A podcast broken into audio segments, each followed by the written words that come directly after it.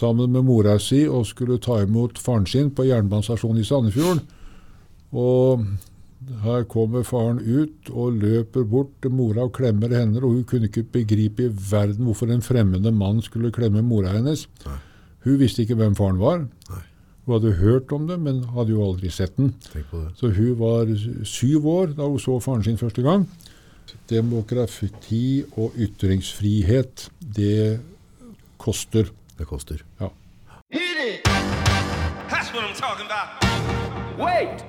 Okay, now, from the beginning.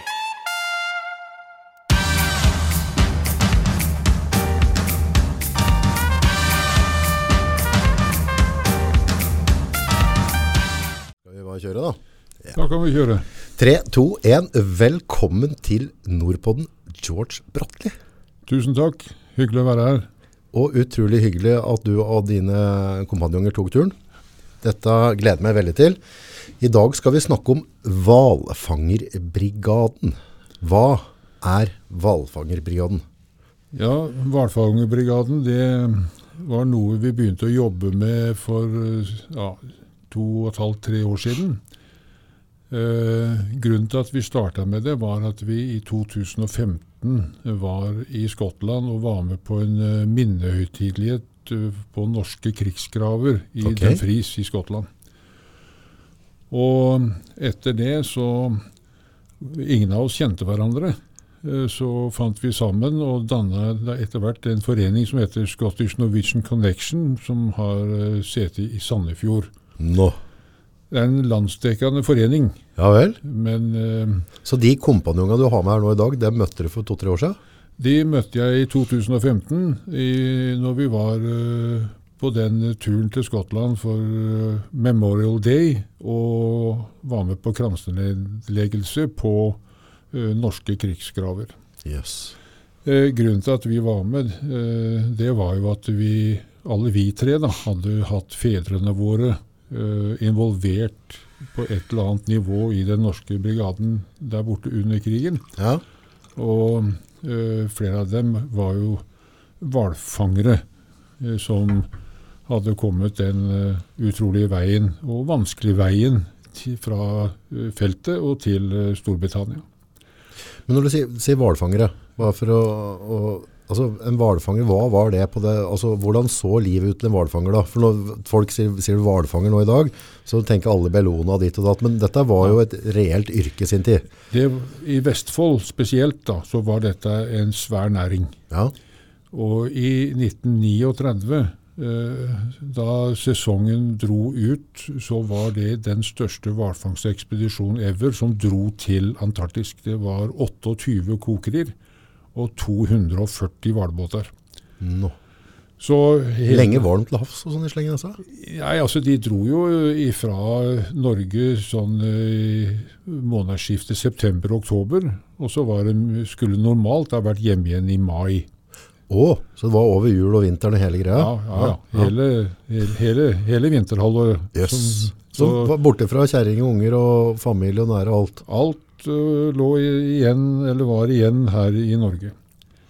Og det som øh, skjedde Altså, de reiste jo ut øh, med norske og norskeide hvalfangstekspedisjoner. Og mange av ekspedisjonene var jo engelsk registrerte, men norskeide. Okay.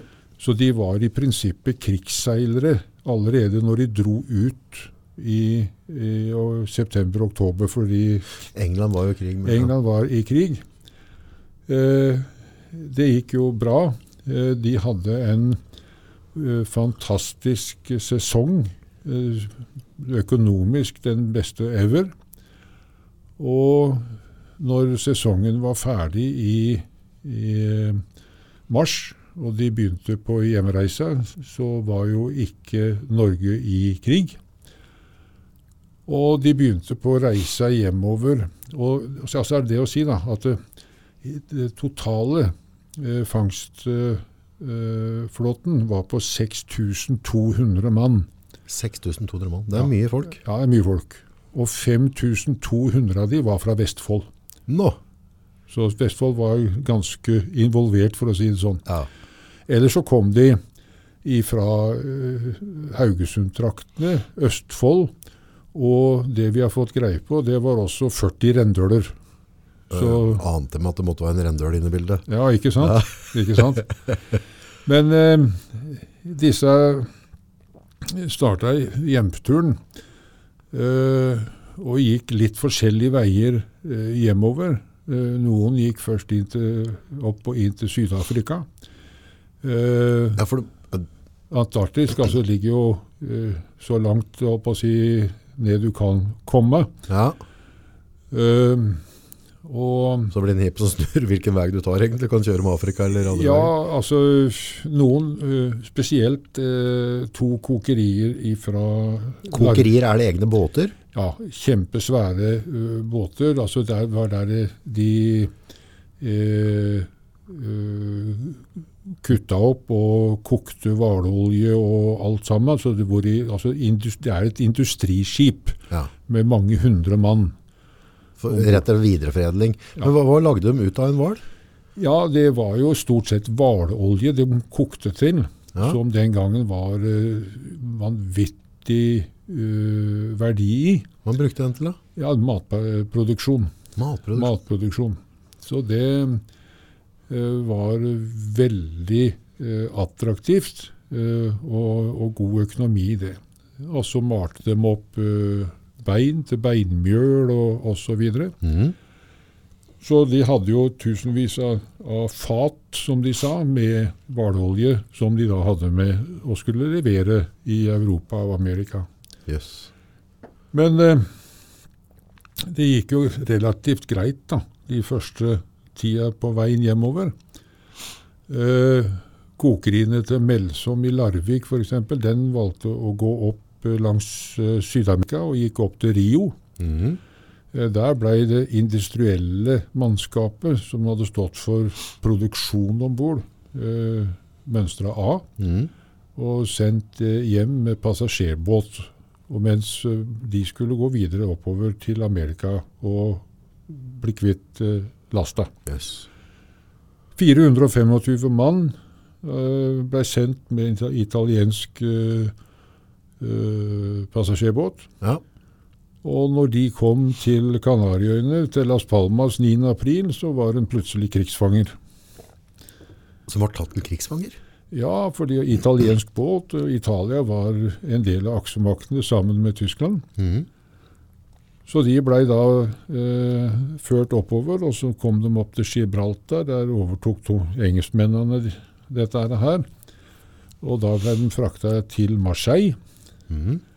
Og i Marseille så ble de satt i fangeleir. Yes. Marseille i Frankrike. Ja.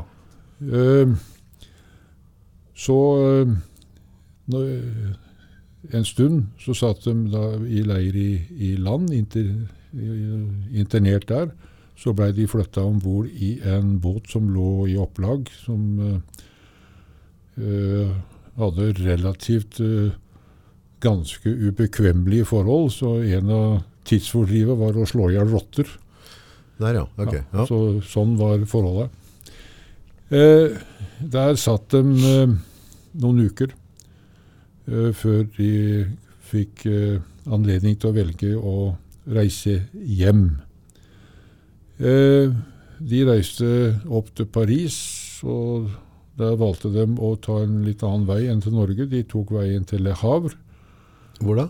i Le Havre i Frankrike. Ok. Og så kom de med den siste båten som gikk over til Storbritannia. Eh, tyskerne prøvde jo å bombe dem, og en av tidsvitnene som vi har fått dagbok ifra, forteller at eh, bombene falt så nært at den båten den spratt som ei flue bortover vannet eh, pga. bombenedslaget. Så de kom til Storbritannia 17. mai 1940 og meldte seg til tjeneste for norske myndighetene. De kom den veien.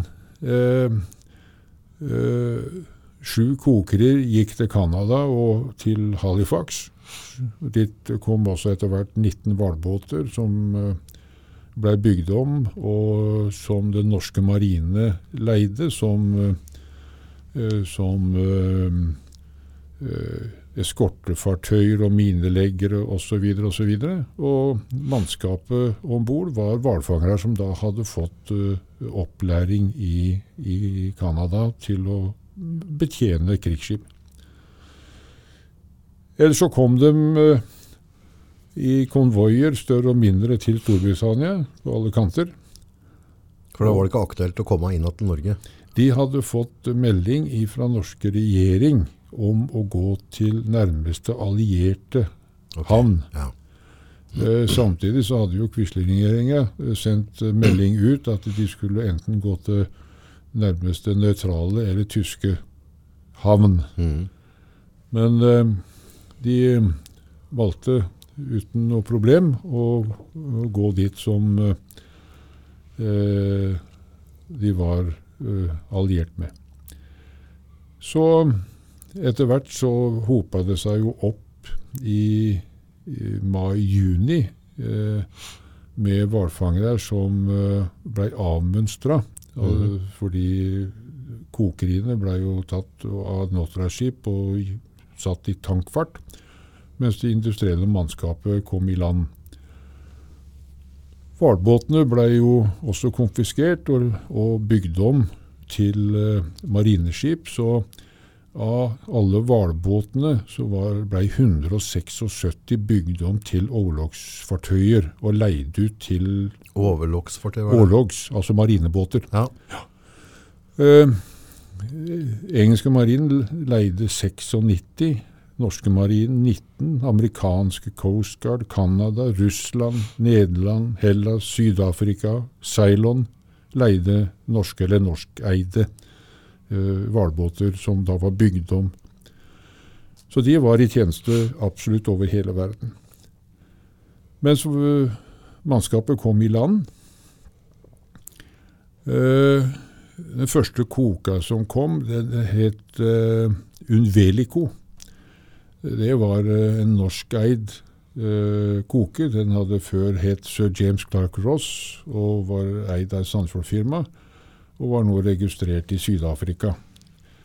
Så de 80 første som kom, Mhm. De meldte seg til tjeneste for noe som da het Den norske legion. Ok.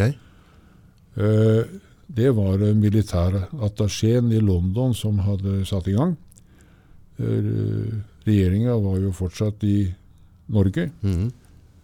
Og de blei sendt til en liten treningsleir i utløpet av Themsen som het eh, Sjuberines.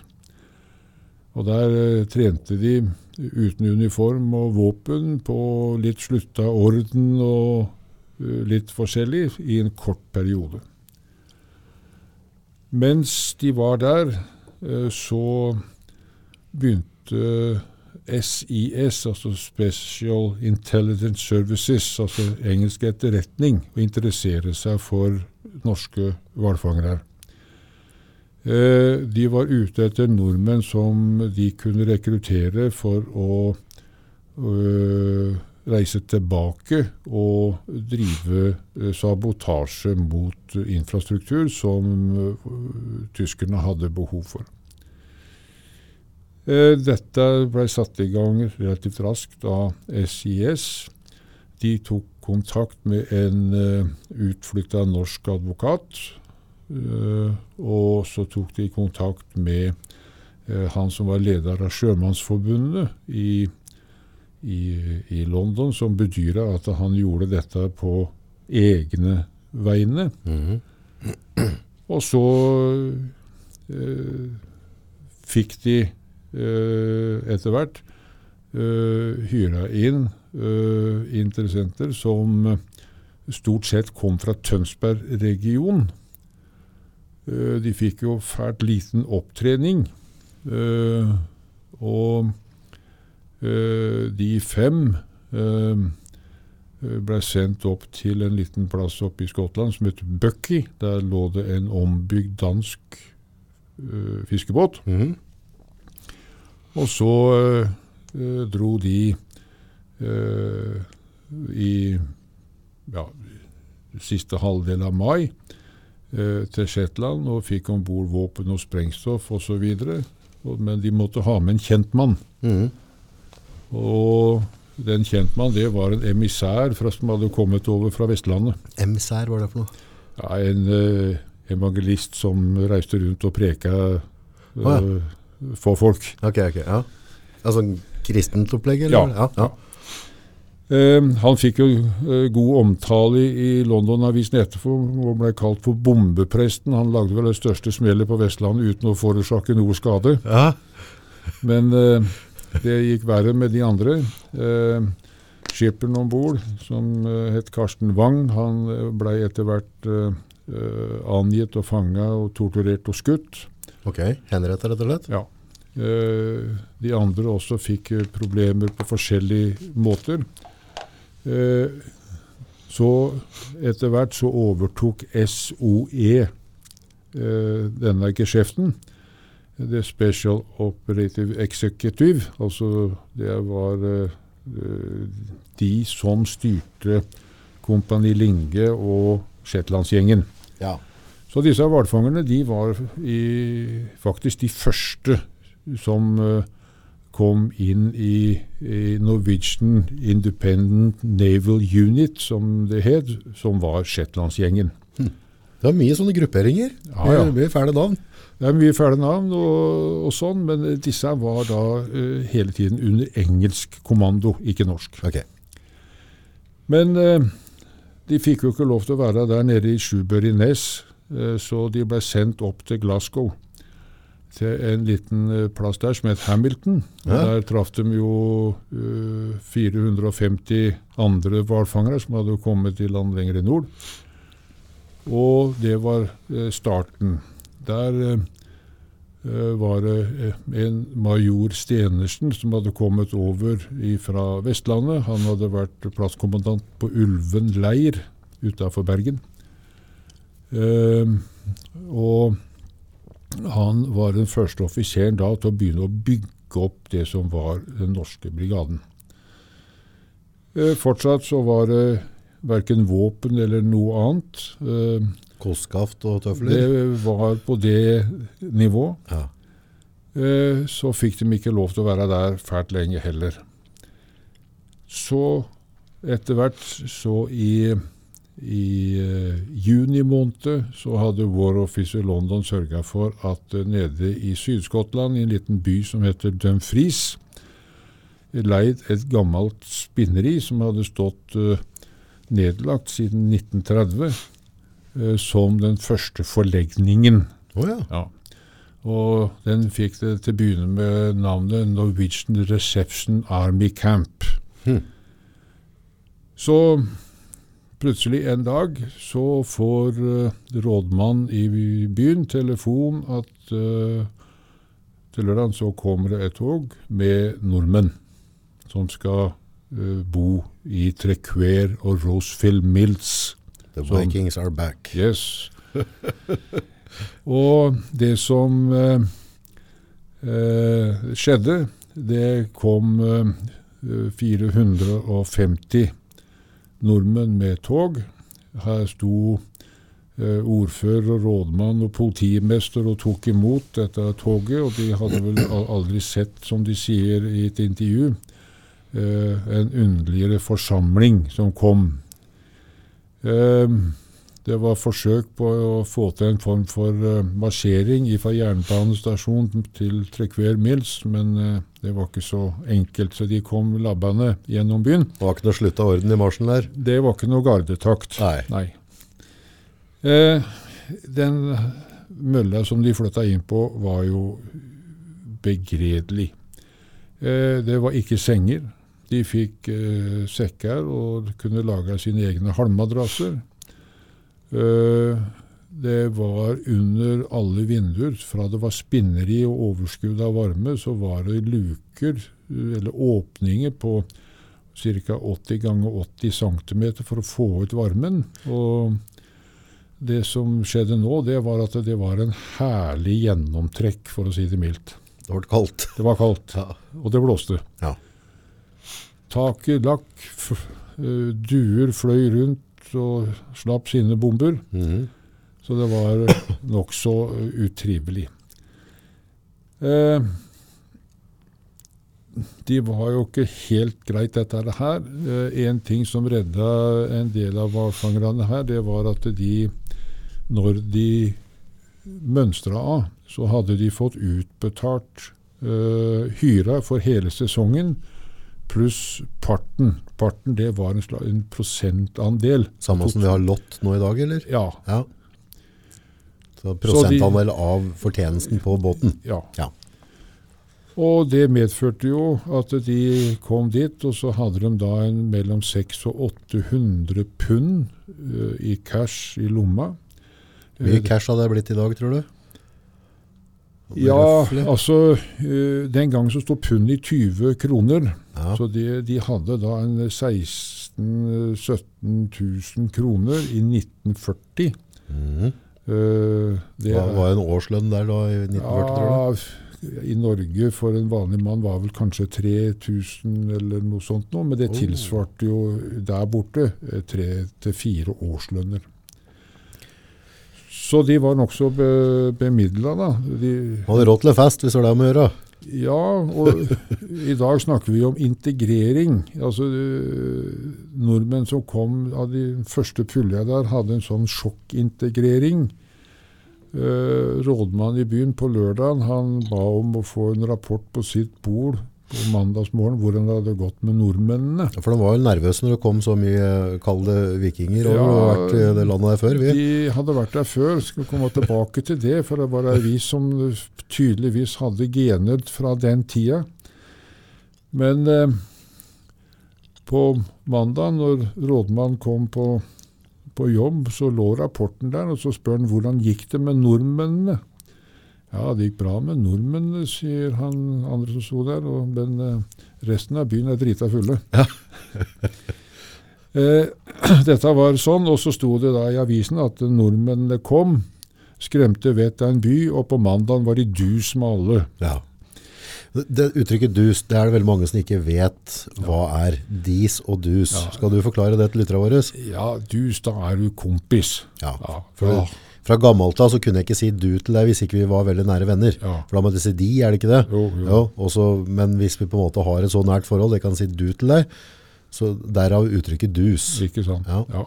Det er, eh, og de, eh, sånn forblei det også resten av krigen. Altså nordmennene eh, Stenersen, han som var sjefen, han var veldig opptatt av at han ville ikke ha gnisninger mellom de norske og lokalbefolkningen. Så det ble fort etablert eh, militærpoliti oh, ja. som, eh, som styrte dette her. Og eh, det er ikke til å stikke under en stol at til å begynne med så var det en del eh, ting som eh, i dag eh, ja, hadde skapt overskrifter. Jo, ja, ja. Men sånn var det nå, og de, noen kjøpte seg senger og dyner og sånt noe sjøl, og så videre. Så eh, det var relativt lystbetont litt til å begynne med. Ja. Men eh, eh, den militære disiplin eh, tok eh, snart over. Men de hadde jo problemer, da, eh, de få offiserene som var kommet. Mm.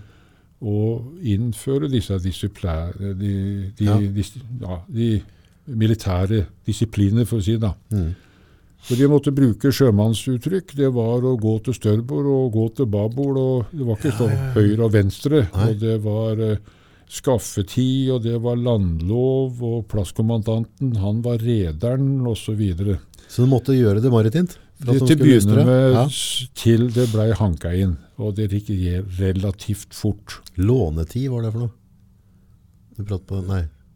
Du sa nei, du hadde det uttrykket. Landlov. Land, nei, du hadde noen andre uttrykk der. Var det, det var et av dem jeg bare lurte litt på. Hvis du repeterer det, var det de der, det var styrbord, babord, og så hadde du ja, skaffetid. og- Skaffetid var det du sa, Ja, ja. ja, ja, det var spising. Skaffetid, det er spising det. Ja, ja. ja. Ja. Nei da, så de, de brukte dette. Eh, men eh, etter hvert så eh, måtte vi prøve å hanke de inn, og så prøve å få noe militært ut av dette. kom det en engelsk general på besøk og så på dette her, og han rista på huet og sier til Stenersen at nå har du fått gitt deg en jobb, for det er lettere å trene tiger og løver enn det greiene du har fått. Og så sier Stenersen bare vent, Bare vent. bare vent. Og Stenersen fikk rett. Eh, motivasjon mangla dem ikke. Nei? Nei. De var oppsatt på én en eneste ting. Det var å lære militære disipliner, få våpen og komme hjem til Norge og få ordna opp. En som sa dette er veldig fint, det var ikke, hadde ikke hatt så mange ukene eh, i Dumfries, så fikk de besøk av kongen Oi. eh, og kronprinsen. Så måtte de stille opp, og helt umilitært så går en av hvalfangerne rett ut av rekka uten å spørre noen, går bort og tar tak i handa til kronprinsen og rister den godt, og sier til ham det er godt at du og faren din er kommet over, for da føler vi oss så ikke aleine. Ja. Og dette her skal vi ordne opp i, skjønner du, sa han. Og så gikk han tilbake til rekka igjen. Han snakka på vegne av alle.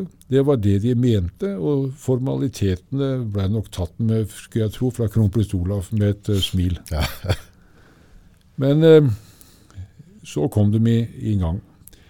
De sleit litt fordi holdningene Da var regjeringa kommet over, og eh, det blei litt gnisninger mellom de og andre eh, i London som gjorde at det norske blei nedprioritert i en tid.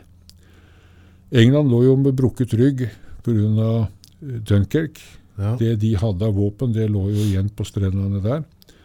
Så det var vanskeligheter med å få tak i våpen. Og så øh, prioriterte de da andre før de norske. Mm.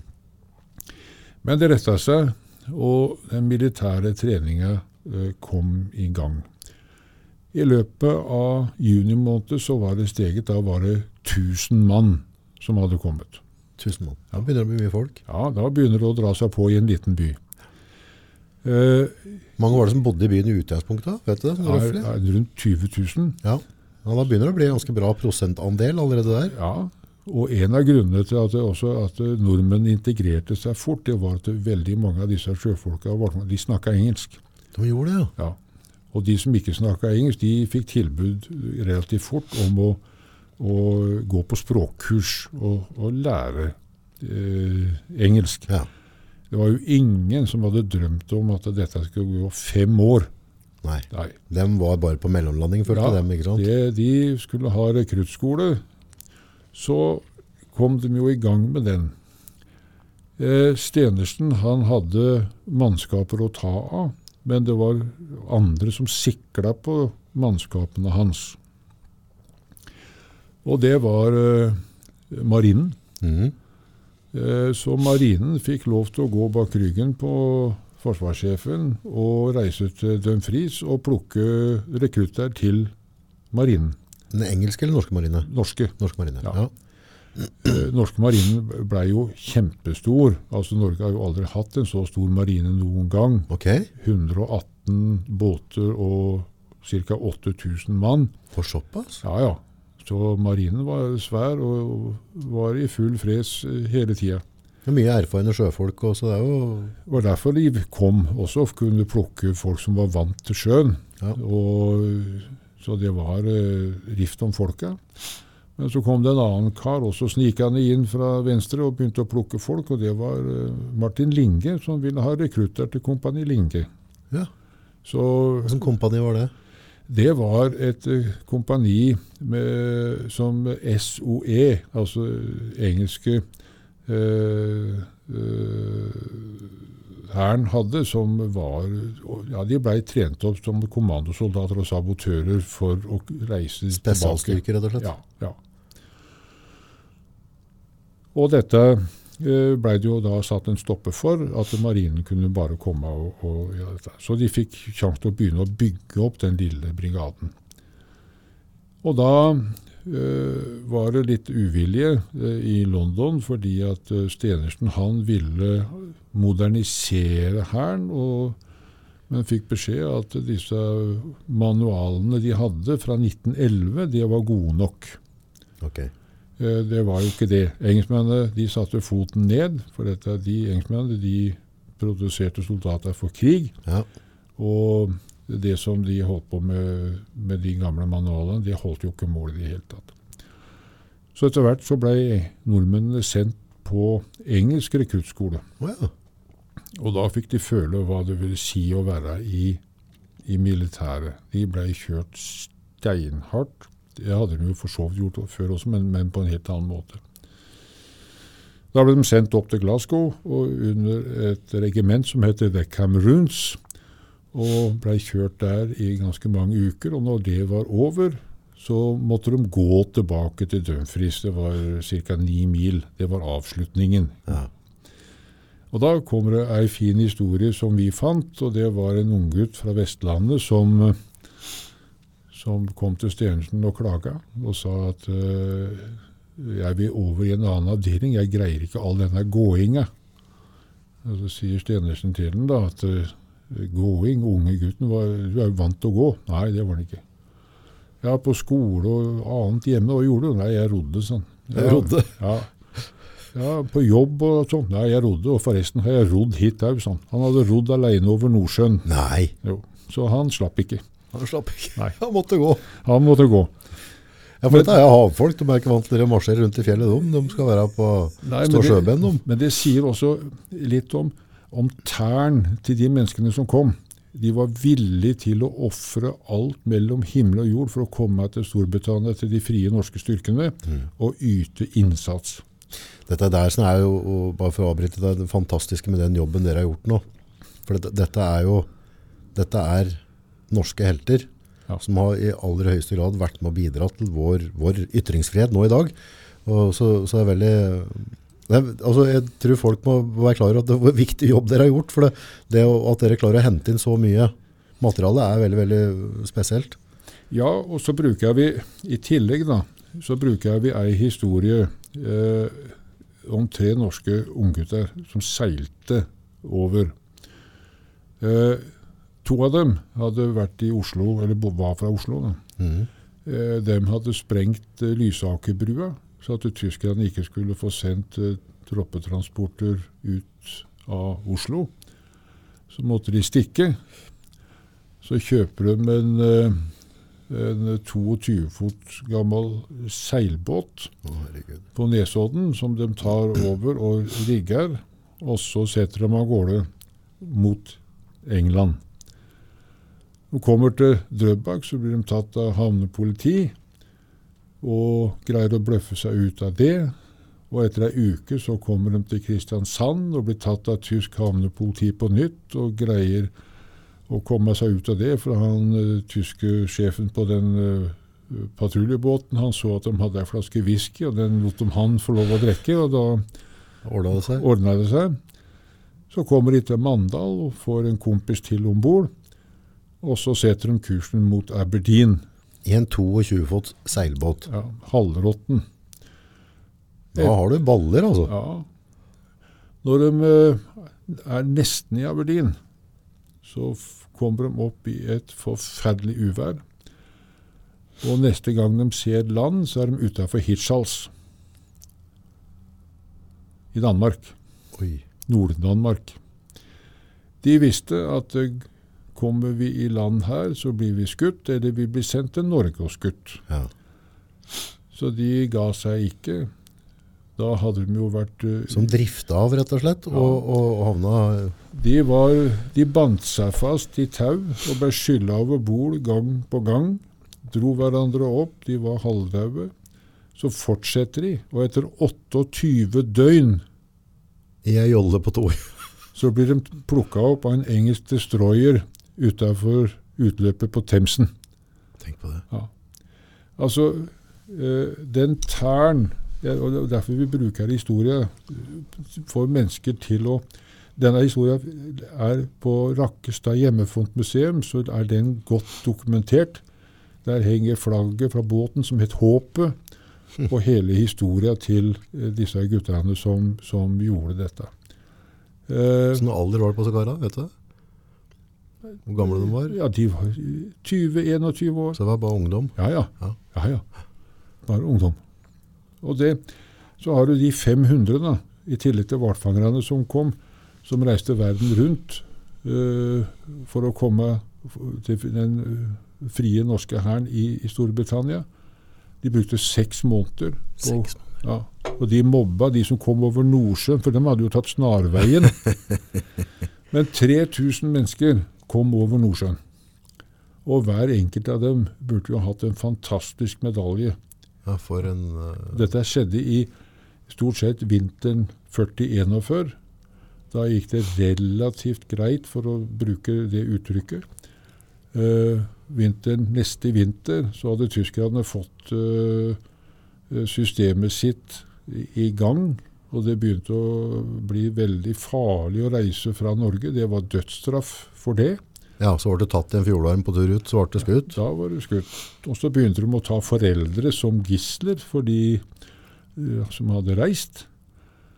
Og så 3000 kom over. Ikke bare menn, kvinner, små barn som reiste over for å melde seg til tjeneste i, i Storbritannia. Shetlandsgjengen de redda eh, noen hundre ut med sine båter. Men disse fiskebåtene som gikk over Den ene båten som gikk over der, den var, var 26 mann i en 27-fots båt. Å, herregud. Jeg altså, det, det, altså, det, ja, det, er, er nesten ikke båt engang. Det er jo altså, 27 mann i en er, det altså, da, da har du ikke mye fribord. Altså, den er bra lasta. Det er den, og den, dette kan folk lese om i bøkene til Ragnar Ulstein, om de som reiste fra Vestlandet. Det er jo altså, det er helt ekstremt, det som, som foregikk. Men hvalfangerne, de kom seg nå opp med hvalbåter og, og sånn, og vi har fått en ei dagbok fra en fra eh, Larvik. Han var fyrbøter om bord i Southern Gem og kom opp og skulle gå gjennom engelske kanal den dagen som uh, tyskerne tok Holland og Belgia. Oi. Og de gjorde hva de kunne for å senke Southern Gem òg. Altså, når de opplever et sånt et ragnarok, Mm. for det var det det var, Mm. uh, så er det jo rart at de greier å komme ut av det med å si, helsa i behold. Ja, for dette, dette er terror. Ja, det var ekstremt. Og når de kommer i land, det første de gjør, eh, det er å, å melde seg til tjeneste i det norske forsvaret. Sporenstreks. Sporenstreks. Sporenstreks. Dette, uh, I boka vår da, så har vi den historien til han Einar Thorsen, Mm. uh, som er den fyrbøtteren. Uh, vi har historien til Ole Frid Olsen, som er en av de som seilte den her seilbåten osv. over Nordsjøen. Og alle de andre som eh, kom eh, til Dumfries område først når det gjaldt brigaden.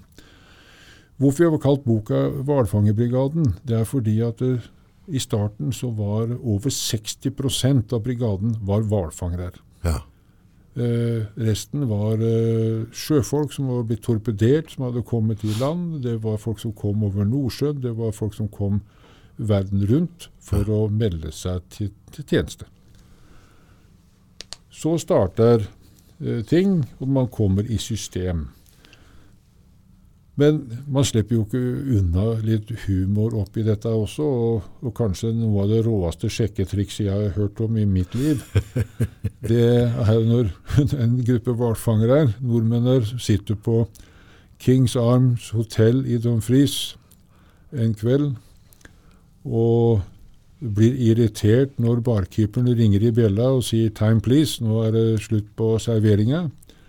Da blir de forbanna, så kjøper de hotellet og hiver betjeninga ut og fester resten av natta og selger hotellet tilbake en dag etter. Dette fikk vi vertifisert av Så det er, det er Dette er tilfellet. Ja. ja. Eh, akkurat sånn fest jeg liker. Det. det er eh, han som tipsa oss. Faren hans hadde vært med på det her. Ja. Og det står eh, i, i Haugesunds Avis fra 1972, eh, så står hele historia. Og den er eh, Altså, du, du, du tror nesten ikke det er tilfellet, vet du. Men vi har vært pirka nøye på å kunne vertifisere alt vi har skrevet i boka. Vi har ikke lyst til å, å bli tatt på noe som er feil. Er det noe som er feil, så er det iallfall eh, Ikke meninga. det er ikke mening. Men eh, det som eh, Det vi også skal legge med, med i boka der, har jo, nå har jeg ikke um, røkket å lese den ennå, men vi kikker litt i stad. Dere har jo noe vanvittig med fantastiske bilder dere har samla inn. Ja. Det er jo helt, helt uh, altså, Og også så fin kvalitet. Altså Dette er jo virkelig en historiebok. Ja, det er det. Og vi har vært eh, eh, ja, jeg vil si usedvanlig heldig. Ja. Eh, først så fikk vi eh, tak i en del bilder som hadde tilhørt en krigsfotograf eh, som het Øvertveit. Eh, og vi tok kontakt med familien deres. Og så her var det snakk om en eh, 1200 bilder og noen filmer som vi da har fått eh, rett til å bruke. Og Etter hvert så fikk vi også eh, veldig god kontakt med Riksarkivet, og hun som er fotoansvarlig der. Og eh, så fikk vi 4000 eh, bilder som var digitalisert, oversendt, som vi da har hatt anledning til å bruke. Eh, kvalitet 4000. Uh, disse bildene hadde jo da ligget nedlåst i 75 år. Tenk på det. Ja. Har ikke vært oppe for syne. Nei. Og her uh, kunne vi gasse oss i bilder som vi har brukt til å vertifisere det vi skriver. Vanvittig nøysomme jobb da, å finne bilder hvor det er tatt. Og det, altså, det må jo litt av en oppgave dere har tatt ja, Ja, dere. det tok uker. Og ja, oppi alt dette, da, når vi satt og så igjennom dette her, så fikk jo jeg nesten sjokk en dag. Jeg sitter og ser på disse bildene. Jeg hadde sittet i dagsvis. Og så får jeg plutselig se et bilde som uh, tok pusten fra meg. Der var det bilde av min mor Oi! og uh, broren min, som da var nyfødt, som var Yes. tatt utafor en militærleir hvor faren min var stasjonert. Tenk på det. Så det hadde ligget nedlåst som en hemmelighet i 75 år. Så det er ikke alle bilder som eh, behøver å være hemmelig. Men uh, dette har jo gjort eh, at vi har uh, både kvaliteten på bildene Ja, den var fantastisk. og uh, også ikke minst hva de dekker. Og vi ser jo ja, vi kan, vi kan følge eh, Den norske brigade fra dag én, fra de står på helsestasjonen og blir gjennomlyst, eh, til de hopper i fallskjerm på Ringway Base i Manchester, eller de, de skyter kanoner, eller hva de gjør for noe. Altså Hele veien kan vi følge dem billedmessig. Noe så fantastisk. Å ha det fundamentet i den historieboka dere i. Ja, det, det er litt gøy. Og så er det også veldig gøy å se alle de flotte bildene som er tatt av, av kongen og kronprinsen. Har du bilder av som de har tatt? da? Nei, ikke som Nei. de har Nei, tatt, nei, men som er tatt av dem. Tatt av dem, ja. ja, ja. Fordi de, de betydde utrolig mye for nordmennene i eksil. Mhm. Og øh, jeg tror øh, den gjensidige respekten der var, var veldig stor. Altså Kongefamilien betydde veldig mye for øh, soldatene i Storbritannia. Ble det som en metafor på håp, på en måte? Ja, altså det var liksom eh, når, Sånn som jeg sa i stad, eh, det er godt du og faren din er kommet, da er vi ikke så aleine. Mm. Jeg tror det sier litt om hvordan dette her eh, fungerte. Og de besøkte eh, norske soldater i eninger over hele Storbritannia. Så flott. Ja. Og det, det var en del av limet. Du gjorde en kongelig jobb, rett og slett. Ja, det vil jeg påstå. Jeg, eh, faren min var eh, stasjonert der borte eh, hele tida, og jeg eh, kan godt huske i guttetallene altså si noe vondt om eh, kongehuset. Da lå du tynt an. Nei da, sånn var det. Men eh, hvalfangerne, de eh, bemerka seg på mange andre måter. I dag er det Nå, nå kasta jeg kanskje et stein i glasshus, jeg skal være forsiktig med det. Men Nei, det er viktig å gjøre. ja. Eh, integrering Ja. snakker vi om i dag, mm. så det ryker etter. Mm. Eh, når nordmennene kom til den vesle byen der borte, eh, så sto eh, sjømannskirken og, og brigadekirkene, feltprestene, sto veldig høyt i kurs. Sjømannskirken måtte jo bygge ut, og, og de måtte opprette den ene etter den andre. Og hadde besøkstall som er helt ruskete i, når vi tenker på hvordan det er i dag. Så fikk de lov til å låne til å begynne med. Da var det en sjømannsprest som het Leif Brunvann, som uh, var uh, brigadeprest til å begynne med. Han var sjømannsprest i Edinburgh og Glasgow, også i tillegg feltprest for, for nordmennene. Han fikk låne ei lita kjerke som heter Trequer Church, lita steinkjerke fra 1740. Den hadde ikke noe døpefontene. Uh, I fjor så fikk jeg et lite hint om at her kunne det være en liten skatt. Uh, Oddbjørn og Kjell, som har skrevet boka sammen med meg, vi reiste over. Og så bl.a. besøkte denne kirken. De ante ikke noe om den her døpefonten, og ikke verken kjerketjener eller prest. Så kommer vi inn, og så sier han til meg 'Er det denne du mener?' sier han. Og i bånn av, av den sølvdøpebollen så var en eikeknott med norske riksvåpenet på toppen. Tenk på det. Ja, Det var rett før jeg ropte 'jippi' i kirken. Ei dame som var med oss, hun hadde små fingre, så hun greide å lirke den sølvbollen opp. Og så er den gravert. Med takk fra norske soldater i Dumfries i 1941 som takk for at vi, som det står, in this house of God can seek peace. Eh, det var Dempseys tilbakegave eh, til kirken, for da flytta brigaden. Dagen etter så var vi på biltur rett på utsida av byen. Så sier hun dama til oss at eh, ser dere den bygningen der? Ja. Ja, ser dere taket? Ja, selvfølgelig så vi taket. Det var en barneskole, og den var i så dårlig forfatning den gangen at uh, de norske soldatene og hvalfangerne de spleisa på å renovere den skolen. Det er integrering på et høyt nivå. Og det Bøndene var helt fortvila fordi alle unge skotter, menn fra 18 til 55 år, var kalt ut i krigstjeneste. Innhøstningene var et kjempeproblem. Og så sier noen, Nei, det er ikke noe problem, det tar vi. Ja. Og så fikk de låne av Stenersen militære lastebiler, og så tok de innhøstinga for bøndene i, i hele distriktet der.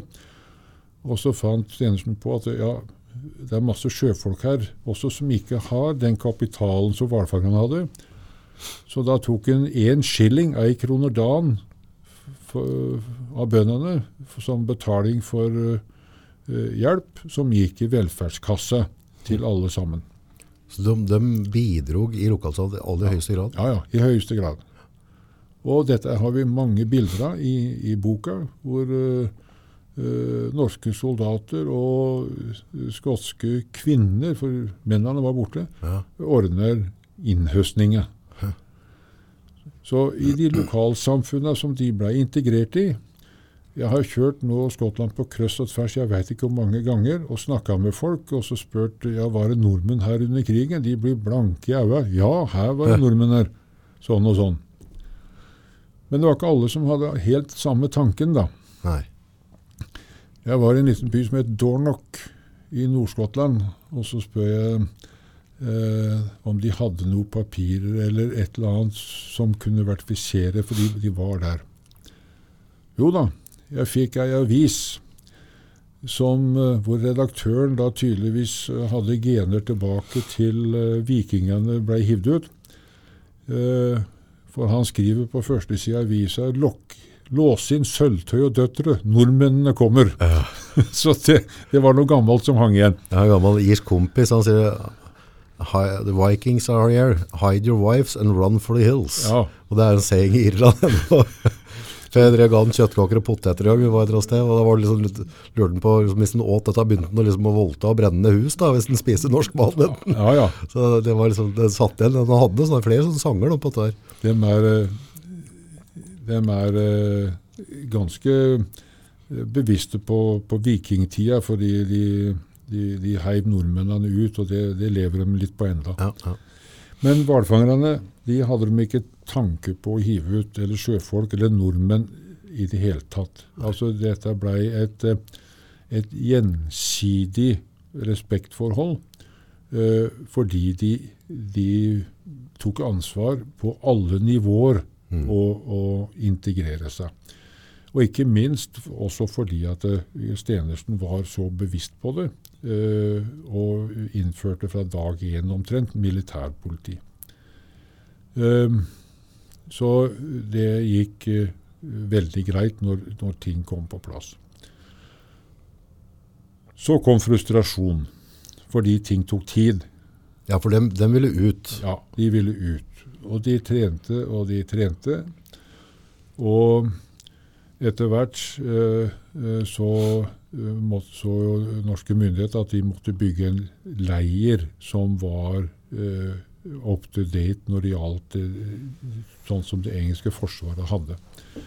Så da flytta de ut av byen og til en liten plass som het Cairn Bridge, og fortsatte eh, treninga og, og sånt noe der eh, under bedre boforhold. Mm.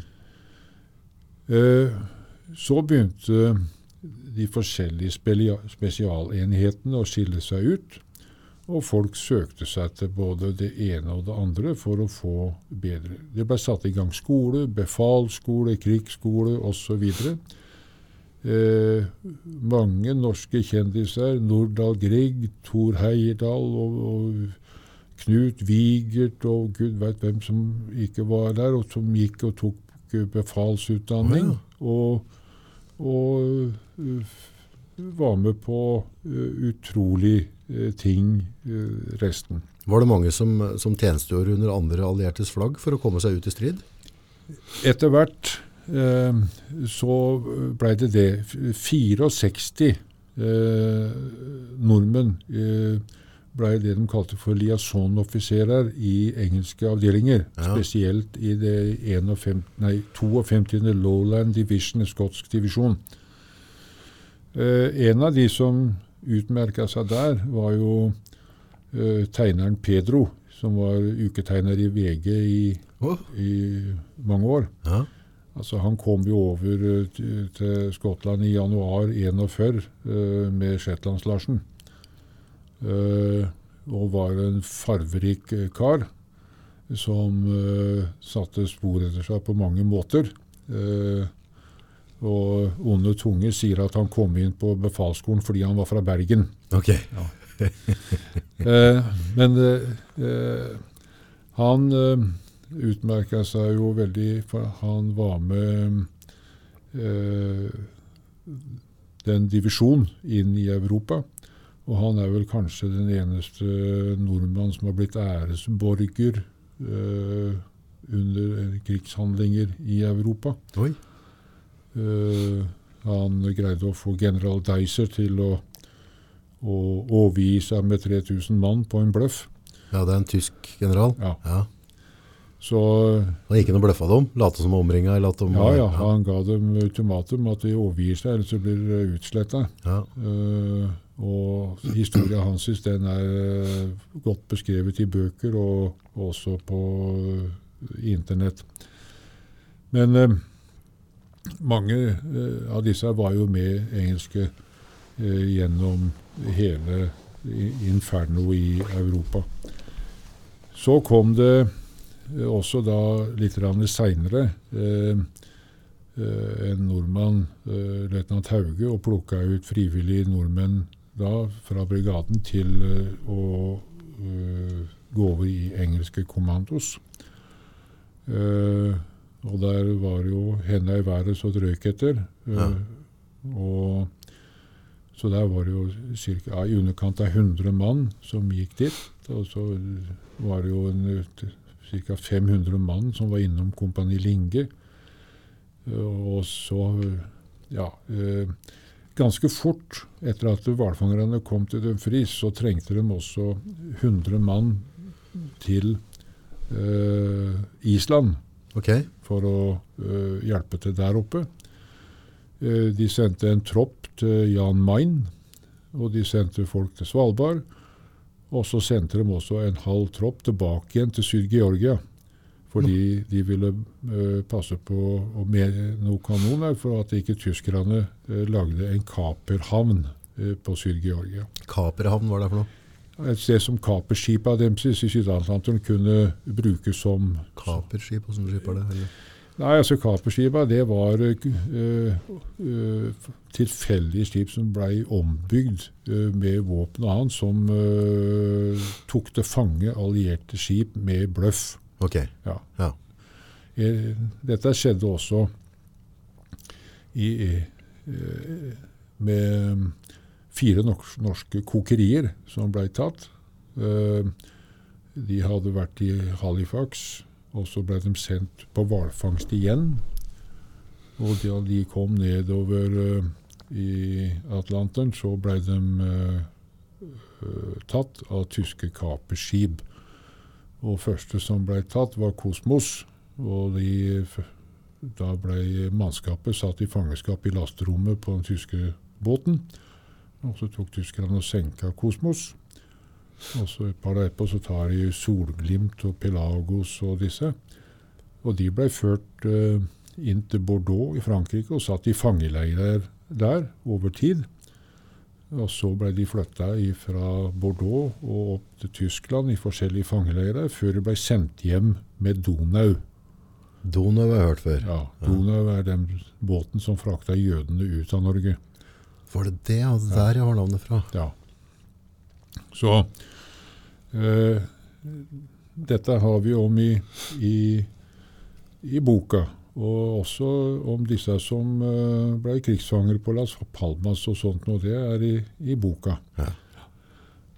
Men eh, de som ble kapra, de ble sendt hjem til Norge eh, med Donau. Så, de, så det var eh, nokså mye dramatikk som eh, disse hvalfangerne kom opp i på forskjellige nivåer Ja. uh, gjennom krigen.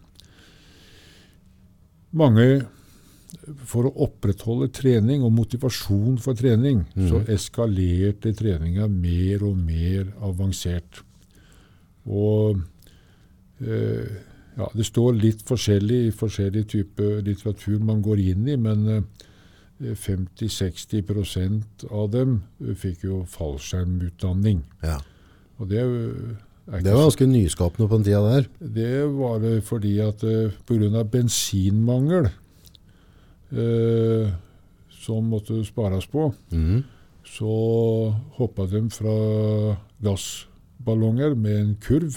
Nei. Som- Så blei de sluppet opp i ballong, og så måtte de hoppe fra den. Og så blei den vinsja ned igjen, og så var det opp igjen. Og, øh, så det var, Det var treningsrutinene. det var sånn de, de starta. Og så var det da de siste hoppa fra fly. Men øh, Så dette var øh, øh, en del skader og litt av hvert. Og dette hoppa de både natt og dag fra. Yes. Så det var ja, en ganske annerledes. Eh, de kom jo også opp eh, da de kom eh, ble godkjent av engelskmennene som en militær avdeling etter at treningene var ferdig. Så ble de underlagt eh, Scottish Command. Mm.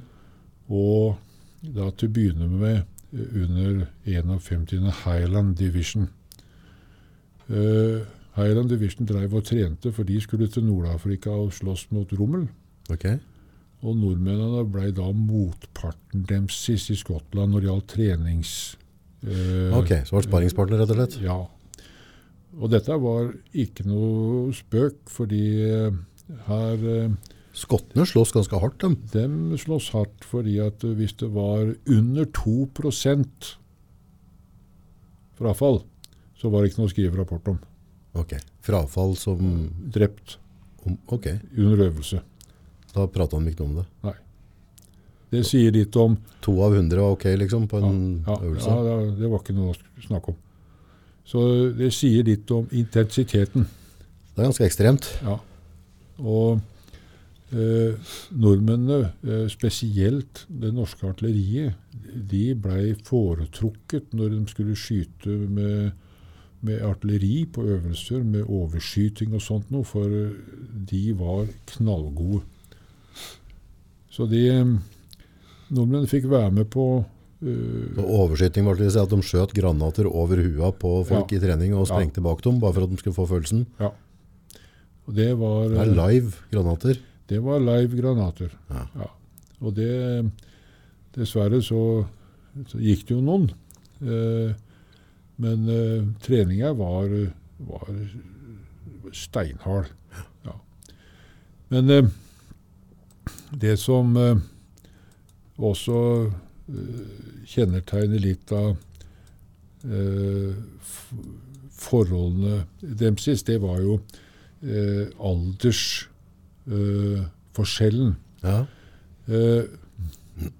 Når den allmenne verneplikten ble innført i januar 41, ja. eh, så før det så hadde de jo vært eh, først en del av den norske legion. Mm. Dette likte ikke nordmennene, at det skulle hete legion. Men det var før uh, regjeringa kom. Eh, så ble det sjalta ut. Eh, I boka så har vi dokumenter som viser navnet Norske legion. Ja. Ja, og, og det er jo ganske ekstremt. Det har jo ikke eksistert verken før eller siden. Ehm, så kom øh, verneplikten inn, og vi har funnet bilder av disse rekruttene. Og han yngstemann på 14 år 14. 14. Vi har navnet hans og alt mulig. Dattera mi blir 13 til jul, liksom. 14 år. ja, så neste år kan du gi ei børse, og så sender jeg i Forsvaret. Tror ikke hun er skodd for det. Nei. Og det sier litt da om spennvinden. Det var uh, to stykker spesielt, en på 14 og en på 15.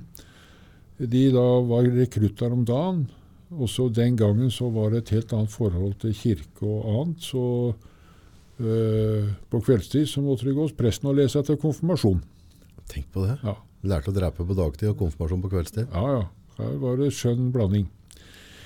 Men når vi er inne på, på, på kirken, som betydde så utrolig mye for uh, uh, brigaden i helhet, altså både sjøfolk og hvalfangere og alt som kom dit. Eh, det begynner med så var det en prest fra Sjømannskirken, som jeg sa i stad, Leif Brunvann, som var eh, sjømannsprest, som gjorde en fantastisk jobb. Eh, Så så eh, militærledelsen at dette må vi gjøre noe mer med. Så ansatte de sjømannspresten i Newcastle, som het Ingebrigt Dale, som brigadeprest. No. Eh, eh, prestetjenesten den eh, vokste, og behovet var ganske enormt. fordi her var det mange som begynte å bli nokså frustrerte over at ikke de kom hjem. De var veldig godt orientert om hvordan familiene hadde det hjemme i Norge, for det kom stadig flyktninger over Nordsjøen som kunne fortelle om forholdene hjemme. Ja. Uh, og en del fikk rett og slett uh, nokså store problemer. Da var det prestetjenesten som eh, Ble som psykolog nesten, da. ja, de ble sjelesørgere og alt uh, mulig. Og så var det jo lite med sykehus som kunne ta imot sånt. Så eh, i en periode eh, så det ikke sykehusene, så, så ble de putta rett og slett i fengsel. Ja vel. Ja, Oppbevaring, bare. ja, rett og slett oppbevaring. Og da var Dempseys halmstrå til livet på utsida, det, det var eh, prestetjenesten. Yes. Så Ja, for folk ble rett og slett susdalske, eller, eller de, fikk de brakksjuke, eller hva? Nei, altså det var tanken på, altså helhetstanken på familien hjemme Mm. uh, som gjorde at uh, det blei for tungt, rett og slett. Så de, de, og da var det også da noen som valgte å avslutte livet sitt. Eh, dessverre. Men eh, eh, vi fikk noe eh, tall eh, også på eh, hva dette dreide seg om.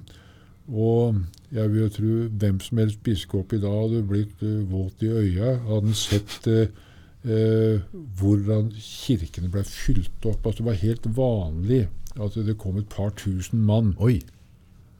Og det, det sier litt om uh, hvordan behovet eh, for den type ting var. Og det setter også et grann perspektiv. Jeg nevnte i stad, og som vi har med i boka, om integrering. Hvordan nordmennene integrerte seg og hjalp til i lokalsamfunnet. Det var ikke bare pub og fyll og fanteri. Eh, eh, kirken betydde en del. Fotball betydde veldig mye i tillegg. Norge hadde jo et fantastisk landslag Oi. som uh, spiller skjorta både polakker og tsjekkere og andre som var her borte. Vi har fått uh, bilder med navn og alt på disse spillerne. Stod avbilda i boka. Kjente navn spesielt fra Vestfoldfotballen. Mm. Så dette med fotball eh, og integrering så ganske tidlig i Dumfries så tenkte de lokale myndighetene på at uh, nå, vi må gjøre noe Uh, tiltak for disse folka som har kommet. Og tenkte at fotballkamp det, Mhm. kan, det kan være uh, noe vi kan ta. Og tok kontakt, og det var jo veldig interesse for det. Og så tenker byen at ja, de har jo akkurat kommet, de får jo få litt tid til å trene.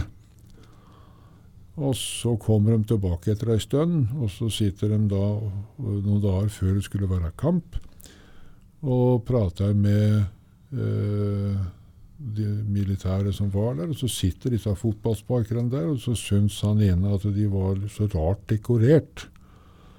Og så lurer han på hva det er for noe. De hadde et sånt bronsemerke på, øh, på jakka. Og så sier han ene at øh, det er bronsemedalje fra fotball-OL i 38. Eh, det var ikke det. Nei, nei. Men uh, dette skremte jo vettet av skottene. Oh. De fløy hjem og kalte inn det beste laget de hadde. Men det hjalp ikke. Eh, nordmennene slo dem eh, jeg, jeg tror det var 6-1. Og som han rådmann sa, så tok det også et år å stable et nytt lag på beina. Ja, det gikk hardt for seg. Det gikk hardt for seg. Ja.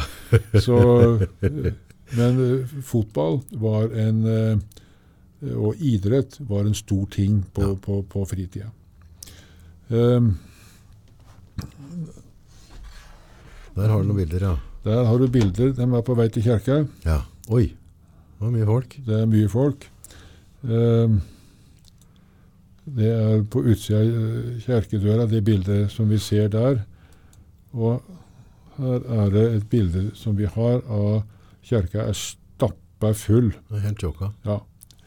Eh, sier litt om eh, hvilke, hvilke behov og, som, eh, som dette var. Eh, fritid så ble det oppretta i Dumfries også et hus som kalt for Norway House. Det var et velferdshus. Eh, det bildet som jeg viser her nå, det sier spennvidden. Den kameraten der, det er ikke noe rekrutt på 14 år. Nei. Eh, har du en, så han er sikkert nærmere 60. Så Men eh, eh, vi vertifiserer eh, den dåpe, Ja, er dåpsfontena og skolen Ja. som er, så dette er, dette er eh, realiteter. Uh, så det er eh, det som har vært moro, også fordi at vi har alt vi har skrevet om, uh, det er eh, 100 dokumentert. Ja. det er ikke noe uh, fiksjon på noe som helst måte, og til det så er temaet altfor alvorlig. Mm. Men ja. du, du nevnte litt innledningspå her på forhold til eh, Det var mye, mye kvinner og barn som kom over. Ja, eh, det kom det. Og eh, noe som vi har også forsøkt i boka å løfte, dette med kvinner. Ja. 600 kvinner fikk militær utdanning i den Skottland. soldater. Som soldater. Ja. Eh, ikke frontsoldater, men vi har bilder som viser kanskje de første bildene av norske kvinner i militær uniform med våpen. Så flott. Ja. Både til marine og her. Eh, disse jentene de utdanna seg som mekanikere, våpenmekanikere, radiooperatører, sykepleiere. Eh, alt mellom himmel og jord. Eh, til å begynne med så sleit de med likestilling, Ja. men de ga seg ikke. Eh, dette var ikke noe hvem som helst jenter. De hadde bein i nesa og vant kampen og fikk 100% likestilling. Lik lønn, lik trening. 100% Ja. Også når de kom tilbake til Norge, så var det å gå 40 år tilbake i tid. Nei. Det såra dem ekstremt, for de var vant til eh, de siste åra Ble behandla likt. ble da helt likt. Så når de kom tilbake til Norge, så, så var det tilbake til skjevfordelingen? Da var det tilbake til skjevfordelingen, eh, og så tok det dem eh, ganske mange år å komme tilbake på det nivået som de var den gangen. Eh, norske myndigheter hadde vanskeligheter med å gi etter for dette. Engelskmennene hadde jo gitt etter for lenge siden. Der var det likestilling i krigstida mellom kvinner og menn fra dag én. Eh, de norske myndighetene holdt igjen. Ja. De hadde vanskelig for å Men det løste seg. eh, og det var eh, absolutt en eh, grei som var riktig. Vi har Var det noen av de kvinnene som var ute og tjenestegjorde i strid, eller som Nei. seg ut? ikke, De kom ikke ut i førstetjeneste, eh, men de gjorde vanvittig viktige jobber der som, der som de var. Ja. Ja. Eh,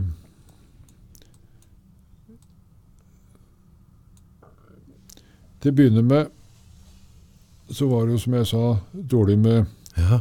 Der står det med trepinner. Ja, da gikk det løp på løs på hverandre med stokker og kjepper og det de fant for å trene. Eh, det er jo et, eh, et bilde som sier eh, veldig mye. Altså Det sier at her er det dårlig utrustning. Det er det ene. Eh, jeg har en bildekollasj som heter 'Fra stokker og kjepper til hest og kjerre til panser og fallskjerm'. Ja. Da har du gjennomgangen Ja. av, av hvordan det utvikla seg. Eh, Som ble nedprioritert på utstyrsfronten, rett og slett. til å begynne med, ja. Mm. Til å begynne med, ja. Veldig. Sko skolering var veldig viktig for uh, militærledelsen. For de tenkte på at de måtte uh, få tak i folk som var villige til å ta militær utdanning med tanke på uh, den nye forsvaret i Norge når freden en gang kom. Mhm. Og Derfor så ble det veldig tidlig satt i gang befalsskole oh, ja. uh, i Dumfries. Og så ble det satt i gang andre typer skoler og krigsskole. Så det var Uh, Det var mange Uh, Der står kongen nå. Ja, kongen bryter alle våpenregler med å sette en maskinpistol oppunder nesa på uh, forsvarssjefen. Uh, jeg har sagt at han, uh, Hadde sikkert ikke skudd i kamera, da. han er en hard forhandler.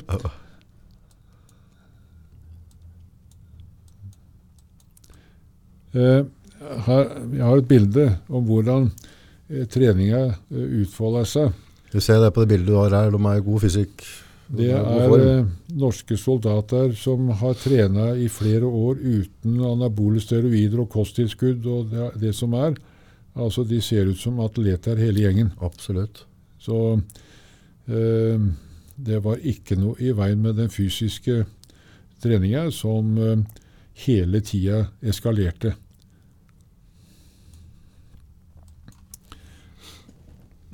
Mange kjente eh, var jo kommet over til Skottland. Ole Jakob Bangstad, som eh, senere var generalsekretær i Idrettsforbundet, han var jo kompanisjef for Det norske fallskjermjegerkompani. Han hoppa jo utover Trøndelag på tampen av krigen sammen med, med noen av sine. Mhm. Og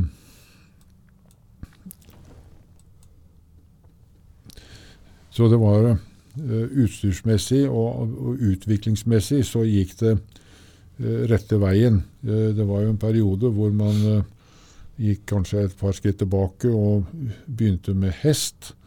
Det ble ganske kortvarig. Man gikk da bort fra det og investerte i nye beltegående kjøretøymateriell og annet, og som gjorde at brigaden ble eh, en moderne eh, brigade. Ja. Kompani Linge eh, hadde jo eh, stadig eh, behov for folk, og var i brigaden og, og plukka eh, frivillige. Eh, da krigen var over, så var det 250 mann i Kompani Linge, men det var 500 mann som hadde vært innom. Og Det samme var det i brigaden. Eh, 6000 mann var innom brigaden. Ja. Mens eh, eh, antallet i mai 1940 var 4000. Mm. Totalt så var det 14.700 nordmenn i det frie norske forsvar i Storbritannia. Altså inklusiv marine flyvåpen og, og, Og det er folk som flykta over fra Norge for å komme hit nettopp for den grunn, og er folk som nå ble stranda til Beval. Ja, de, noen havna i eksil øh, øh, pga. Øh, og sjøfart osv. Eh, noen valgte en ja, ca. 500 øh, over Sverige, Russland, Svartehavet, Suez, India, Syd-Afrika og så opp til Storbritannia. Det tok seks måneder. Og det var øh, Eh, og de 3000 som kom over Nordsjøen. Tror du skal få mer kaffe her hvis du lar en skvett. Så, Hvordan håndterte de alt dette på slutten, når de skal begynne å runde opp eh, altså på, en måte på, på enden av krigen? Altså, hva, hva ble de brukt til? Var det bare uttatt i hvalfangst, eller fortsette med Forsvaret, mange av dem? det som eh, Ja. Eh, Avslutninga er et trist eh, kapittel. Ok, Ja. Norske kommandosoldatene som slåss på Valkeren og var med opp i, Ardenerslaget, Okay. de ble trukket ut. De var en engelsk kommando. De mm. var i no, tropp nummer fem i 10. Inter-Allied kommando, som det het. Mm. Eh, og slåss jo så busta føyk, eh, og vrigjorde Valkeren og var med opp til eh, Mas i Belgia før de ble trukket ut i, i januar i 45. Eh, da ble de sendt til Sverige, eh, i Seville. Og i Sverige så måtte de ta på seg eh, svenske politiuniformer. De fikk ikke lov pga. politikk å komme eh, og reise med eh, kommandouniformen sin. Ahei. Og kom eh, til Oslo eh, etter hvert eh, i tidlig mai. Eh, brigaden eh, blei sendt nesten alle sammen i sin helhet til Nord-Norge for å avvæpne eh, tyskerne i Nord-Norge.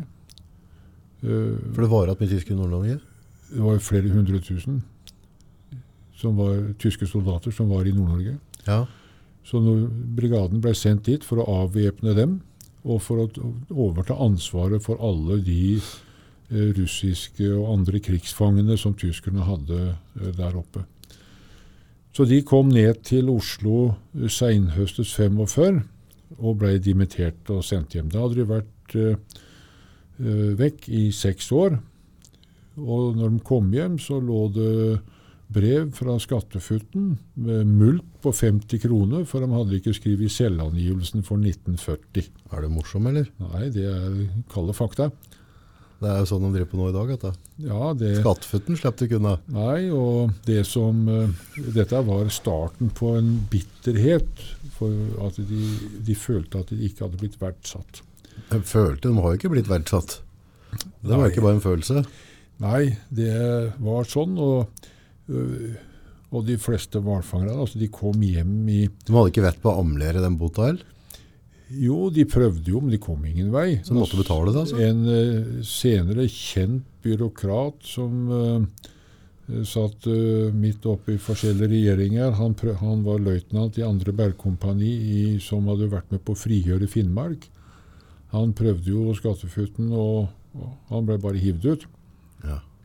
Men eh, det var liksom starten på en eh, nokså negativ tilværelse når det gjaldt forholdet mellom disse veteranene og norske myndigheter.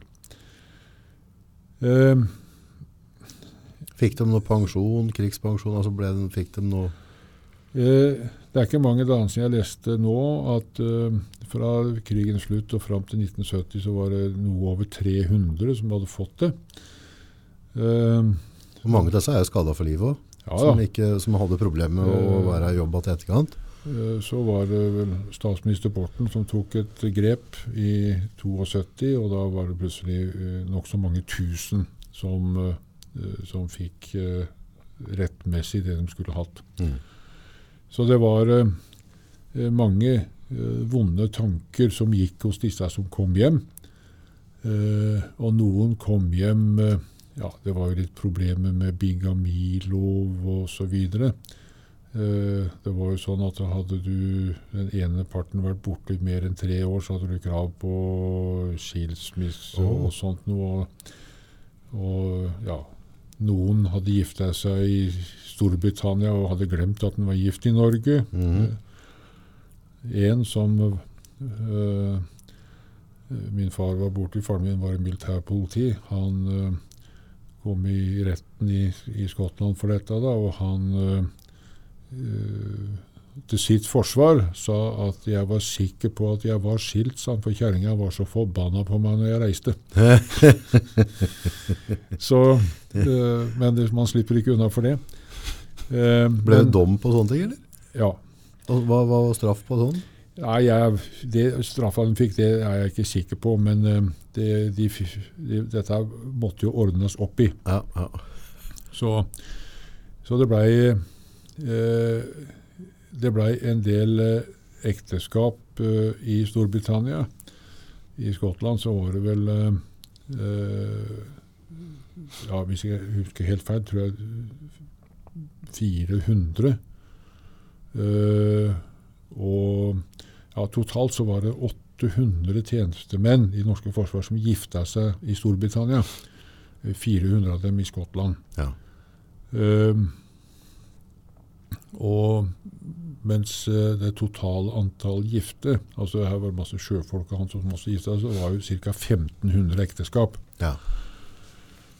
Og de kom jo tilbake hit etter hvert til Norge, og det var eh, ikke så helt enkelt for mange av de. Eh, her var det tidligere koner som ikke var blide, det var familier som ikke var blide. Noen ble tatt imot med åpne armer, og litt forskjellig. Noen uh, syntes dette var fæle greier og reiste tilbake igjen. Eh, Så det var eh, ikke bare bare eh, dette her. Men eh, det gikk seg til, som den sier. Men oppe Det blei jo en del eh, ball ut av det. Men eh, de fleste eh, som eh, kom hjem, de var jo bare hjemme noen få uker, kanskje et par måneder, og så var det på hvalfangst igjen. På havet. Og når man tenker altså Her har du vært vekk i seks år. Eh, komme hjem, treffe familien i en kort periode, og så er det av gårde på nytt. Steinharde tider, som folk i dag tror jeg nesten ikke greier å forestille seg i det hele tatt. Og sjøfolka som kom hjem, de kom jo hjem én og én. Eh, de kom jo ikke hjem i samla flokk. Eh, Det var ingen parade for dem. Det var ingen velkomst og blomster og taler. Eh, Og kom hjem og var hjemme og sleit med sitt, og ut igjen. Og den gangen så var det ikke seks uker ute og åtte uker hjemme, eller hva det er som nå. Det var eh, to og tre år i, i slengen. Så du var ute? Ja. Oi. Det var jo sånn at uh, Det er jo hele livet ditt havet, da. Ja, ja. Altså gikk båten uh, som du var på uh, f.eks. ikke på Europa, så var det helt vanlig med toårskontrakt. Og var, gikk en på Nord-Europa, så var det 18 måneder. Og gikk en på Norge, så var det 12 måneder. Det, det var helt vanlig. Yes. Ja.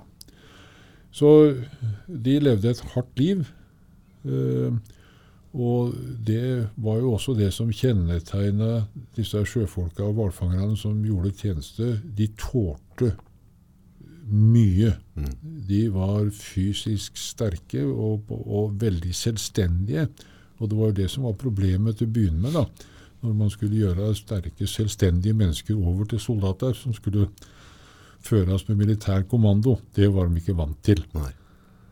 Så øh, det var øh, en, øh, en del av, av helheten der borte. At de, de kjørte dette relativt tøft. Mm. Nei, det var eh, Boka vår har tatt sikte på eh, hele tida å løfte fram det som eh, har vært en, eh, en sak som nesten har gått i glemmeboka. Mm. Eh, vi har følt, nettopp kanskje fordi at vi hadde foreldra våre eh, der borte, at eh, tida for å gjøre det var nå, eller så Ellers så blir det glemt. Ellers er det helt borte. Ja. Og responsen som vi har fått eh, når vi har vært ute og holdt foredrag om dette, er jo veldig positiv. Folk vil vite mer. Mm. Og når vi satte i gang og skulle skrive det vi trodde skulle bli et lite hefte, det blei fort noe helt annet. Det er en 1,9 kilos bok, folkens. Ja, på 448 sider, som tar for seg Store sider. Ja, A4-format, som tar for seg 1940 og 41, og vi er allerede i gang med bok to, som skal ta for seg resten av tida deres. Dette, dette ser jeg på som den uh, ultimate har du pakka under juletreet i år. Altså det er, altså nå, nå har jeg ikke hatt uh, gleden av å få lese den ennå, men uh, du ser på en måte det er mye, det er kart, det er bilder, altså det er veldig, veldig dokumentert. Altså det, det er jo en historiereise, og dette er jo en sånn bok du kan sitte og kose deg med på kvelda. Og du kan på en måte se, og du kan drømme deg litt bort og tenke deg hvordan de egentlig hadde det. Uh, så jeg, jeg gleder meg veldig til å, å få den tida med den boka. Ja, vi håper det, For det at måten vi har satt sammen boka på, uh, med alle disse personlige historiene, facts om det norske forsvar osv., osv. Uh, det- Vi har ikke greid uh, i denne boka å komme unna en del politiske ting. Eh, eh, det var nødvendig å ta med det for å få historia riktig. Ja. Eh, så eh, det er med. Og eh, vi håper at boka vil være med på å kaste lys over eh, det som skjedde, og som det står i boka også fra noen der, at eh, frihet, demokrati og ytringsfrihet, det koster. Det koster. Ja. Og det kosta for Vestfolds del 1333 liv. Ja, tenk på det. Ja. 1200 øh, foreldreløse barn og 600 enker. Tenk på det. Ja. Pluss alle senskader og annet som har kommet. Og da syns vi at øh, få Dempseys historie fram og belyse den er riktig. Ja, vi skylder dem det. Ja. Jeg ser på forsida, det er jo noen staute karer der, både i skinnjakker og, og dressjakker. De er eh, stramme i blikket. Ja, det bildet fant vi. Det sto i ei avis i Glasgow 8. mai 1940. Her står det eh, De hadde tolv Forsvaret den gangen hadde tolv Krag Jørgensen-geværer som var tatt med fra Norge. Og så står de da stramme her i det de hadde av penklær. Ja, I skinnjakke, dress og slips og uh, alt sammen. Og uh, du ser ansiktsuttrykket deres. De mener alvor. ja, de har et mål. Ja, de har et mål. Så sånn er hvalfangerbrigaden, som vi kalte det, har kalt boka, nettopp fordi at uh, 60% pluss var øh, hvalfangere. det, det, altså, som vi pratet på, altså viktigheten av å, å skrive sånn type historier, det er jo det er viktig at vi lærer altså, dette, Det er jo bare noen øyeblikk siden, egentlig, hvis en ser på verden, verdenshistorien. og Det er ikke lenge siden. Og det er jo litt viktig at vi, at vi, at vi lærer av andres historier. Og, og dere har jo dratt inn ting fra dagbøker. altså Det er, eh, det er mye, bra, mye bra eh, tanker og holdninger ute og går der. Ja, altså For vår del så har det vært lett å, å skrive om det, nettopp fordi at det, for, det, det gjaldt foreldrene våre. Ja. eh, er en part av det. Ja. Eh, så ungdom i dag så har de ja, Det er besteforeldre iallfall som er godt kjent med det.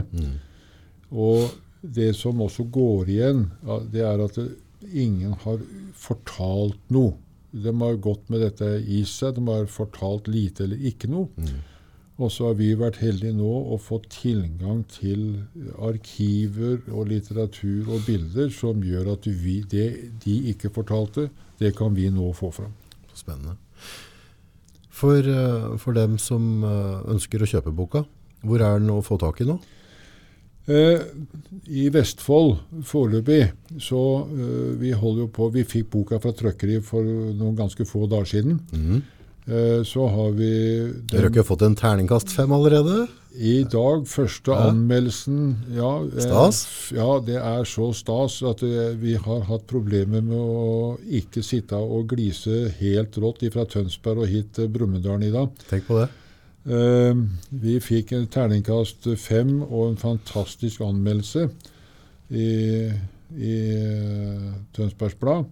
Vi har fått uh, hederlig omtale i avisa, og vi har fått eh, eh, kjente personer som har forhåndslest boka, eh, som eh, kommer med eh, gode uttalelser til oss, som har varma, og som har gjort disse to og et halvt åra med vanvittig mye jobb til rett og slett en stor glede. Neida, det er, I Vestfold så er det på bokhandlerne til Nordli, i Larvik, eh, Sandefjord og Tønsberg i og på Nøtterøy i Alfa og Stokke nå. Og så har en del eh, med ny butikk sagt at de er også veldig interessert i å selge den. Eh, vi er på, i startfasen på å få denne ut. Ja. Og hvis det er noen som eh, eh, vil bestille boka, så kan de gjøre det på nett på skottnord.no. Skottnord.no. Ja, Det er enkelt å huske. Ja, og da eh, legger en bare inn navn, adresse og telefonnummer, så kommer boka i postkassa. Så bra. Ja. Går det an å, å spørre om man får signatur òg, eller? Gir dere det? Ja, de, vi, vi gjør ja, Hvis du selvfølgelig bestiller vi hos dere på Scott Nord? ja, Kommer det noen eh, Vi skal pakke 100 bøker i morgen. Jeg syns det er kjempestas det å på en måte ha altså En forfatter det, er- altså, du, det er jo et, et stykke historie. Ja. Ja, og det er jo lagt, det er som vi pratet på litt innledningsvis før vi gikk inn i podden der, det som jeg er så takknemlig med dette her, at jeg kan på en måte, nå har dere jobbet beintøft i to-tre år, og, og nøste opp i historier og dokumentert hvordan og styret, og så kan jeg bare egentlig bare fråtse. Jeg kan bare som skumme kremen av fløte, holdt jeg på å si, og bare, bare, bare nyte. Ja, det er vi- Dette, dette er i hvert fall, altså hvis du har noen eldre i familien, ja. som er omtrent håpløst å kjøpe julegave til, ja, det er, det er Det- ikke noe tvil. Det, nei, det, dette tror jeg treffer Den er midt i blinken. Den tar for seg historier som de har hørt noe om, ja. og som vi kan utfylle for dem på en, syns vi, da, eh, god måte. Både billedmessig og, og tekst. Det blir sånn at skal kjøpe julegave til moderen, hva det skal ha, men jeg vet altså, hun har jo på en måte havfolk i familien, altså det er jo midt i blinken. Ja, det er, jeg vil påstå det, altså når jeg er litt inhabil, for å si det forsiktig. Men, er være litt selvgreier også da. Ja da. Ja. Og det, Ja, men jeg synes det er viktig å støtte opp under sånne ting, og, og nå skal vi ut og handle julegave lell.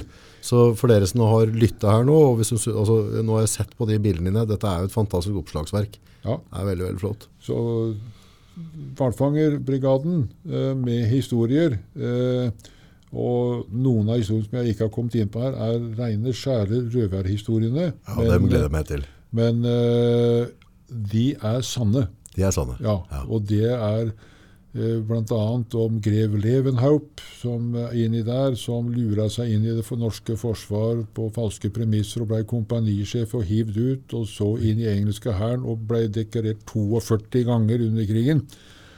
Eh, fantastisk historie som vi har fått tak i eh, barnebarnet Hanses i Sverige, som, som eh, har hjulpet oss med å få historie riktig og eh, vertifisert. Så det, her er det, det Mange er, skatter. Ja, det er noe for alt. Og det er gråt, og det er latter, det er humor, det er alvor og steinharde realiteter. Er det ikke et eller annet helt sånn fantastisk, og det, det vet jo du alt om, det med på en måte historiefortelling og, og, og få gamle historier. Og de er ikke så gamle, for dette, dette omfanger jo mine besteforeldre. Ja. Altså, de, de var jo på en måte i aller høyeste grad involvert i dette der.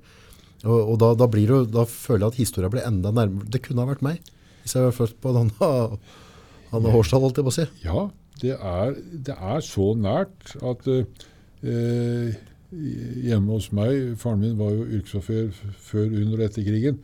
Men eh, når kameratene hans kom hjem, og de satt og prata, for de kunne prate samme språk, Ja. Eh, så var det Så lenge vi guttungene ikke ble hivd ut, så satt vi med stive ører og, og, og hørte. Ja, og ble kastet, så satt i trappa litt da. Ja, det vi gikk ikke langt. Eh, men eh, i dag eh, Jeg tror eh, både nåværende ungdom, og kanskje de litt eldre også, får en oppfriskning Mm. på nettopp hva det koster at vi har det sånn som vi har det nå. Helt avgjørende. Det, det er noen som tar dette for en tilfeldighet, men eh, den tilfeldigheten Vi hadde eh, Skype-intervju med en 100 års gammel mann Oi. om mandagskvelden. Eh, en av de sist gjenlevende fra Kompani Linge. Å høre hans historie, eh, det var helt fantastisk. Eh, og han har skrevet ei bok til sine barnebarn om sine opplevelser, og det er sånn at du får gåsehud. Og så spurte vi ham ja, var du ikke redd. Nei, nei, det var ikke noe Det var bare sånn som det skulle være, det. Det var å, å satse alt. Det var ikke noe å tenke på. Ikke noe å tenke på. Og uh, vi snakka med en 98-åring for 14 dager siden som uh, hadde vært i samme avdeling, og fikk uh, hans historie om forskjellige ting. Og når vi får lov til, fordi vi er blitt kjent gjennom Hvalfangerbrigadeboka, Ja. å snakke med disse tidsvitnene som det er bare en håndfull igjen av, Ja. det er så viktig. Og så er det for viktig for oss å få formidla det de sier, ut. Helt klart. Ja. Nå er det altså Scott Nord, Scott Nord med D til slutt. Nord eller Nord? NOR. NOR. eh, med SC. Ja, ser. Ja. Ja, Scott Nord med Ikke det. Nei, nei. Ja. Scottnord.no. Ja. Navn, adresse og telefonnummer. Skal dere ha den eh, signert, så skriver dere det på e mailen. Ja. Så kommer den eh, boka med noe som heter Rett hjem. Rett hjem. Yes. Ja. Og Gutta er på nett, vet du. Ja da. det er litt idealiserte. Det er Ja. bærbare PC-er og smarttelefoner og tre, tre eh, pensjonister som har fått opplevd en digital ny verden. Ja, det er vel redde. Ja. Det er litt fint òg. Utrolig du kan nå ut. Det er helt fantastisk. Ja, Har dere oppretta Facebook-side sånn, eller? ja da. Ja. Det, det, vi har egen Facebook-side i foreningen som heter eh, eh, Scottish Norwegian Connection. Ja. Og gå inn der og bli venn med oss på Facebook, så får dere alle oppdateringene. Og vi syns det er kjempemoro. Og vil dere være medlem i Scottish Norwegian Connection, så hjertelig velkommen. Så flott. Og vi skulle vært i Skottland nå i september, men pga. koronaen Det skulle være et uh, stort uh, arrangement uh, i, i Dumfries med kransenedleggelser osv. Avduking av ny minnestein. Hvor uh, forsvarsattachéen for Norge i London skulle være til stede. Dronningas representant skulle være der, osv. osv. Og så kom dette her koronasvineriet og stoppa alt. Ja. Da får vi ta det til neste år. Det kommer neste år. September neste år så blir dere medlem, så kan dere være med på en fantastisk grei i Skottland eh, neste år. Ja. Som sagt da, altså skottnord.no, der kan du bestille boka, og du kan til og med få den signert av de tre forfattere. Ja, Det er, og jeg, altså det er ikke noen tvil på årets julegave. Det er 1,9 kilo med norsk historie om hvorfor nettopp vi har den ytringsfriheten og friheten vi har nå i Norge i dag. Enkelt og greit. enkelt og greit. Ja. Og er det noen som har noen tips, som vet om det sitter noen, noen karer eller kvinner ute som sitter på informasjon, bildemateriale og sånne ting, så regner jeg med at dere er mottakelige. Ja, og det har jeg Takk for at du minte meg på det, fordi at eh, vi har blitt overvelda av hva folk sitter på hjemme. Ja. Eh, De har kommet fram med personlig korrespondanse mellom kong Haakon og den enkelte. Det er brever sånn og sånn, det er bilder, det er alt mellom himmel og jord. Som folk har liggende hjemme, som var bestefars eller onkels eller hva det måtte være for noe. Og Nå har de mulighet til å få det i perm. har, kan få det ut i perm. La oss få digitalt uh, oversendt bilder, eller hva det måtte være for noe, Mm. på skottnord.no. Og vi er kjempeglad for å få. Tusen, tusen takk for at dere tok turen helt fra Tønsberg og opp i dag. Dette setter jeg veldig pris på. Jeg har lært masse i dag og synes det er veldig, veldig stas. Og jeg setter som sagt veldig, veldig pris på den jobben dere gjør for oss andre, som er uvitende eh, rundt hva, hva som ligger bak det vi har nå i dag. Og, og jeg tenker at uh, dette må dere bare fortsette med. Dette er det en plass for. Ja, jeg skal bare si tusen takk at vi fikk lov til å komme og så fortelle om dette. Og for oss er dette bare moro å holde på med. Vi ja, Du nevnte jo også foredrag. Hvis det er noen foreninger som ønsker en foredrag, så kan du sikkert ta kontakt på Scott Nord der også, hvis det er et eller annet. Nå er det spesielt nå om dagen, men vi, Ta, vi har holdt eh, noen titalls foredrag under den ferden vi har vært igjennom, Mhm. For foreninger, historielag osv. osv. Og og det gjør vi. Eh, nå er det den der koronatida som setter eh, å si stopper for det. Men eh, dette er vi igjennom i løpet av noen uker, korte måneder, forhåpentligvis.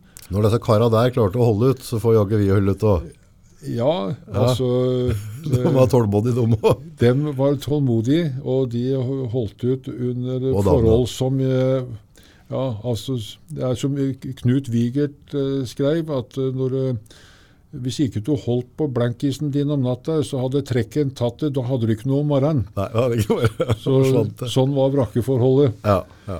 Og tenk på alle de, de, de damene som ble uten ektemann, som satt igjen i Norge òg, og ikke visste. Det var Ja. jo sikkert litt av en skjebne, det òg. Vi kom borti ei dame for ikke så fælt lenge siden. Eh, Hun var og, sammen med mora si og skulle ta imot faren sin på jernbanestasjonen i Sandefjorden.